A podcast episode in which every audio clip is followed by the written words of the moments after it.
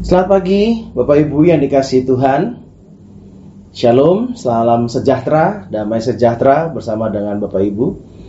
Dan saat ini kita akan bersama-sama bersekutu di dalam doa pagi. Tadi kita sudah menaikkan sebuah pujian.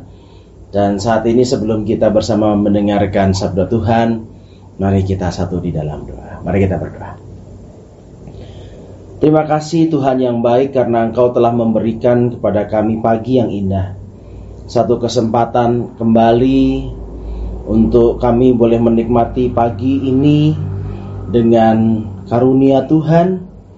Terima kasih Tuhan untuk kebaikan-kebaikan Tuhan yang telah kami rasakan. Dan saat ini kami boleh merasakan bagaimana Tuhan juga boleh menaungi kami Terutama di masa-masa sulit seperti ini, Engkau masih juga memberikan kepada kami kesempatan untuk menikmati hari demi hari yang Tuhan berikan kepada kami. Terima kasih untuk berkat demi berkat yang kami rasakan karena berkat-berkat itu sungguh indah. Dan saat ini ya Tuhan, kami ingin merenungkan sabdamu, berkati hambamu, supaya hambamu ini bisa berkata-kata sesuai dengan apa yang Tuhan inginkan. Terima kasih ya Tuhan, kami sambut sabda Tuhan. Di dalam nama Tuhan Yesus Kristus kami bersiap dan kami membuka hati kami untuk mendengar sabda Tuhan. Demi Kristus kami berdoa. Amin. Bapak Ibu yang dikasih Tuhan, firman Tuhan yang akan kita renungkan pada saat ini terambil dari 1 Korintus pasal 1 1 Korintus pasal 1 saya mengambil pada ayat yang ke-25 dan 29. Demikian sabda Tuhan. Sebab yang bodoh dari Allah lebih besar hikmatnya daripada manusia dan yang lemah dari Allah lebih kuat daripada manusia. Supaya jangan ada seorang manusia pun yang memegahkan diri di hadapan Allah. Bapak Ibu yang dikasih Tuhan, pada saat ini kita telah memasuki masa-masa yang disebut dengan new normal. Kita sudah melihat bahwa aktivitas kehidupan di kota kita sudah mulai bergeliat, bahkan jalanan mulai saja ramai, dan aktivitas-aktivitas sosial juga sudah mulai berjalan dengan uh, seperti biasanya, menuju seperti biasanya. Bapak Ibu yang dikasih Tuhan, ketika saya beraktivitas beberapa kali beraktivitas keluar, memimpin acara kedukaan misalnya, atau beraktivitas hanya untuk sekedar membeli makanan misalnya, Bapak Ibu yang dikasih Tuhan, saya melihat bahwa ada banyak orang mempunyai anggapan atau mempunyai sikap yang berlainan di dalam new normal ini. Ada orang yang merasa bahwa ah sudah sudah tidak ada apa-apa. Ngapain pakai masker? Ngapain kita masih berjarak? Ngapain kita harus oh apa tidak boleh bersalaman. Udah nggak ada apa-apa tenang saja. Ada juga yang beranggapan bahwa tidak ini masih masih masa pandemi ini masih bahaya. Jadi kita harus tetap sesuai dengan protokol yang ada.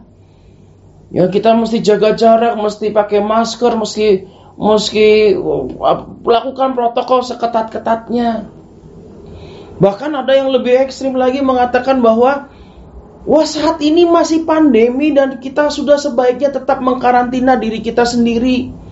Jangan mau, jangan mau dibohongi, jangan mau untuk tiba langsung masuk dan uh, mengatakan bahwa ini tidak ada apa-apanya. Sudah jangan mau seperti itu. Ya, kita harus tetap ada di rumah, kita harus tetap di rumah aja. Jangan ke mana-mana. Bapak Ibu yang dikasih Tuhan banyak sekali pandangan-pandangan orang mengenai new normal ini. Begitu juga ketika beberapa gereja sudah mulai mempersiapkan diri untuk membuka kembali. Ada orang yang mengatakan sudah gereja buka saja lagi. seperti sedia kala. Sudah tidak perlu ada pembatasan-pembatasan. Ya oke okay. Pembatasan-pembatasan seperti pembatasan protokol dan segala macam tetap dilakukan, pembatasan jarak tetap dilakukan. Usia tidak perlu dibatas-batasi, misalnya seperti itu. Bapak Ibu yang dikasih Tuhan, ada juga yang kemudian gereja mengatakan bahwa jangan, jangan dibuka dulu. Kita harus berhati-hati. Jangan buru-buru buka. Jangan sampai gereja menjadi klaster, menjadi tempat penyebaran baru dari COVID-19 ini. Banyak sekali pandangan-pandangan orang tentang pembukaan kembali gereja atau kemudian new normal yang akan terjadi di tengah-tengah kita. Sah-sah saja setiap orang mempunyai pendapat satu dengan yang lain. Tapi yang menjadi persoalan Bapak Ibu adalah ketika satu orang menganggap bahwa apa yang dia anggap itu adalah sesuatu yang benar dan orang lain kita anggap sebagai sesuatu yang salah, bahkan sesuatu yang bodoh. Wah, itu orang-orang yang tidak memperhatikan protokol, orang-orang yang minta supaya semua gereja cepat dibuka, orang-orang yang menganggap bahwa ini tidak ada apa-apa. Bodoh itu. Orang-orang bodoh, orang-orang bebal. Begitu juga orang-orang yang merasa bahwa wah itu orang-orang yang ketakutannya terlalu tinggi, paranoid, ketakutan berlebihan dan segala macam. Cuci tangan berkali-kali, pakai masker ketakutan, usia ketakutan, itu orang bodoh itu. Satu kelompok dengan kelompok lainnya menganggap yang lain bodoh. Yang nggak bodoh cuma pendapatnya saja. Yang nggak bodoh cuma pemikirannya saja. Bapak Ibu yang dikasih Tuhan, Paulus mengingatkan kepada orang-orang di Korintus. Ingat, coba bayangkan seandainya kita pada saat itu ada bersama-sama dengan jemaat di Korintus. Lalu kita percaya kepada Yesus yang tukang kayu itu, orang Yahudi, yang kemudian mati di salib dan kita anggap sebagai Tuhan. Dan kita terima sebagai Tuhan orang lain di sekitarnya, orang lain yang tidak percaya itu, pasti menganggap kita sebagai orang yang bodoh. Tukang kayu kok dipercaya. Orang Yahudi kok dipercaya. Orang disalib kok dipercaya. Orang disalib itu penjahat kok dipercaya. Kurang bodoh apa orang yang mengikut Kristus pada saat itu? Kurang bodoh apa yang percaya pada salib pada saat itu? Ibu yang dikasih Tuhan itu yang terjadi. Tetapi mungkin dari sisi kita yang orang-orang percaya pada saat itu juga membodoh-bodohi orang lain. Bapak Ibu, Paulus mengingatkan.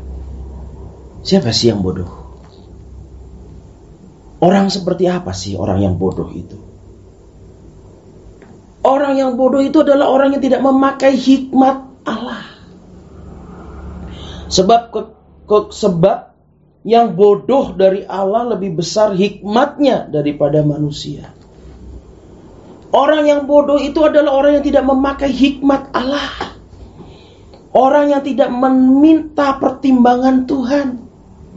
Sehingga pada akhirnya jatuh pada kesombongan diri sendiri ini loh hikmatku sebagai manusia. Itu yang pinter. Itu yang tepat. Itu yang benar. Bapak Ibu yang dikasih Tuhan, Tuhan mengingatkan kepada kita. Ingat, setiap manusia yang merasa dirinya benar, merasa dirinya hebat, merasa dirinya berhikmat, itu justru tidak memakai hikmat Allah, itulah yang bodoh. Manusia yang merasa bahwa dirinya kuat, merasa yang merasa merasa manusia yang merasa dirinya mampu, manusia yang merasa dirinya sehat, manusia yang merasa dirinya baik-baik saja. Itulah manusia yang lemah. Karena kekuatannya bukan berasal dari Allah. Bapak Ibu, Tuhan mengingatkan seperti itu, Paulus mengingatkan seperti itu. Karena pada ayat yang ke-29, Paulus mengatakan supaya jangan ada orang seorang manusia pun yang memegahkan diri di hadapan Allah. Jangan ada seorang pun yang memegahkan diri, seorang manusia pun yang memegahkan diri di hadapan Allah. Bapak Ibu yang dikasih Tuhan di masa pandemi ini dan ketika kita mau memasuki sebuah keputusan yang sulit karena semuanya sulit kita buka juga sulit kita tutup juga sulit sulit semuanya. Bukan hikmat manusia yang kita pakai. Bukan kekuatan manusia yang kita gunakan Aku gak apa-apa kok. Aku merasa sehat kok. Aku ini loh pinter bisa menganalisa ini dan itu. Tidak. Orang-orang yang seperti itu dikatakan kepada Tuhan. Dia akan menjadi bodoh. Dia akan menjadi lemah. Karena dia mengandalkan pikiran dan kekuatan manusia. Jangan andalkan hikmat dan kekuatan manusia andalkan Tuhan. Mari kita bersama bergumul bertanya pada Tuhan. Apa kehendak Tuhan? Ketika kita memutuskan bersama apa yang akan terjadi untuk gereja kita, untuk kehidupan kita. Mari bertanya kepada Tuhan, bergumul bersama dengan Tuhan. Jangan mengandalkan kekuatan manusia sendiri, merasa diri hebat, merasa diri kuat merasa diri paling sehat dan tidak mungkin tertular.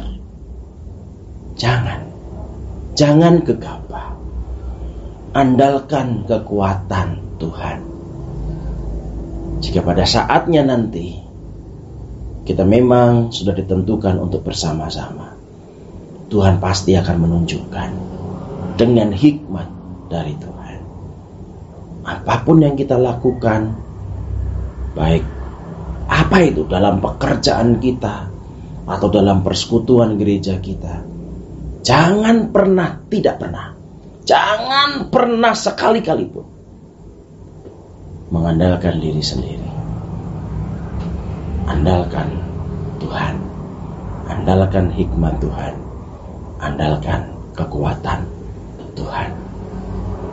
Amin. Mari kita berdoa. Bapa di sorga, masa-masa ini adalah masa-masa sulit bagi kami. Dan lebih sulit ketika kami harus memutuskan hal yang dilematis.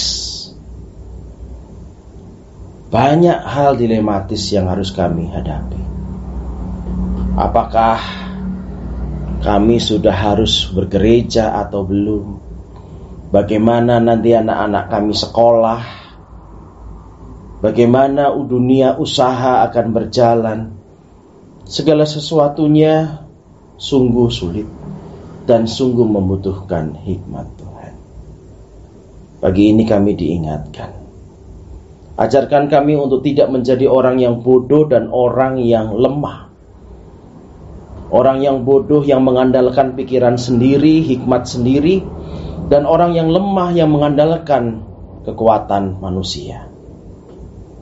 Mampukan kami bersandar pada hikmat dan kekuatan Allah.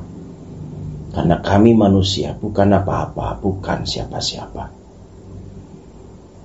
Tuhan kami harus mengambil banyak keputusan yang tidak mudah untuk kami jalankan. Berikan kami hikmat. Dalam setiap pekerjaan kami berikan kami hikmat ya Tuhan.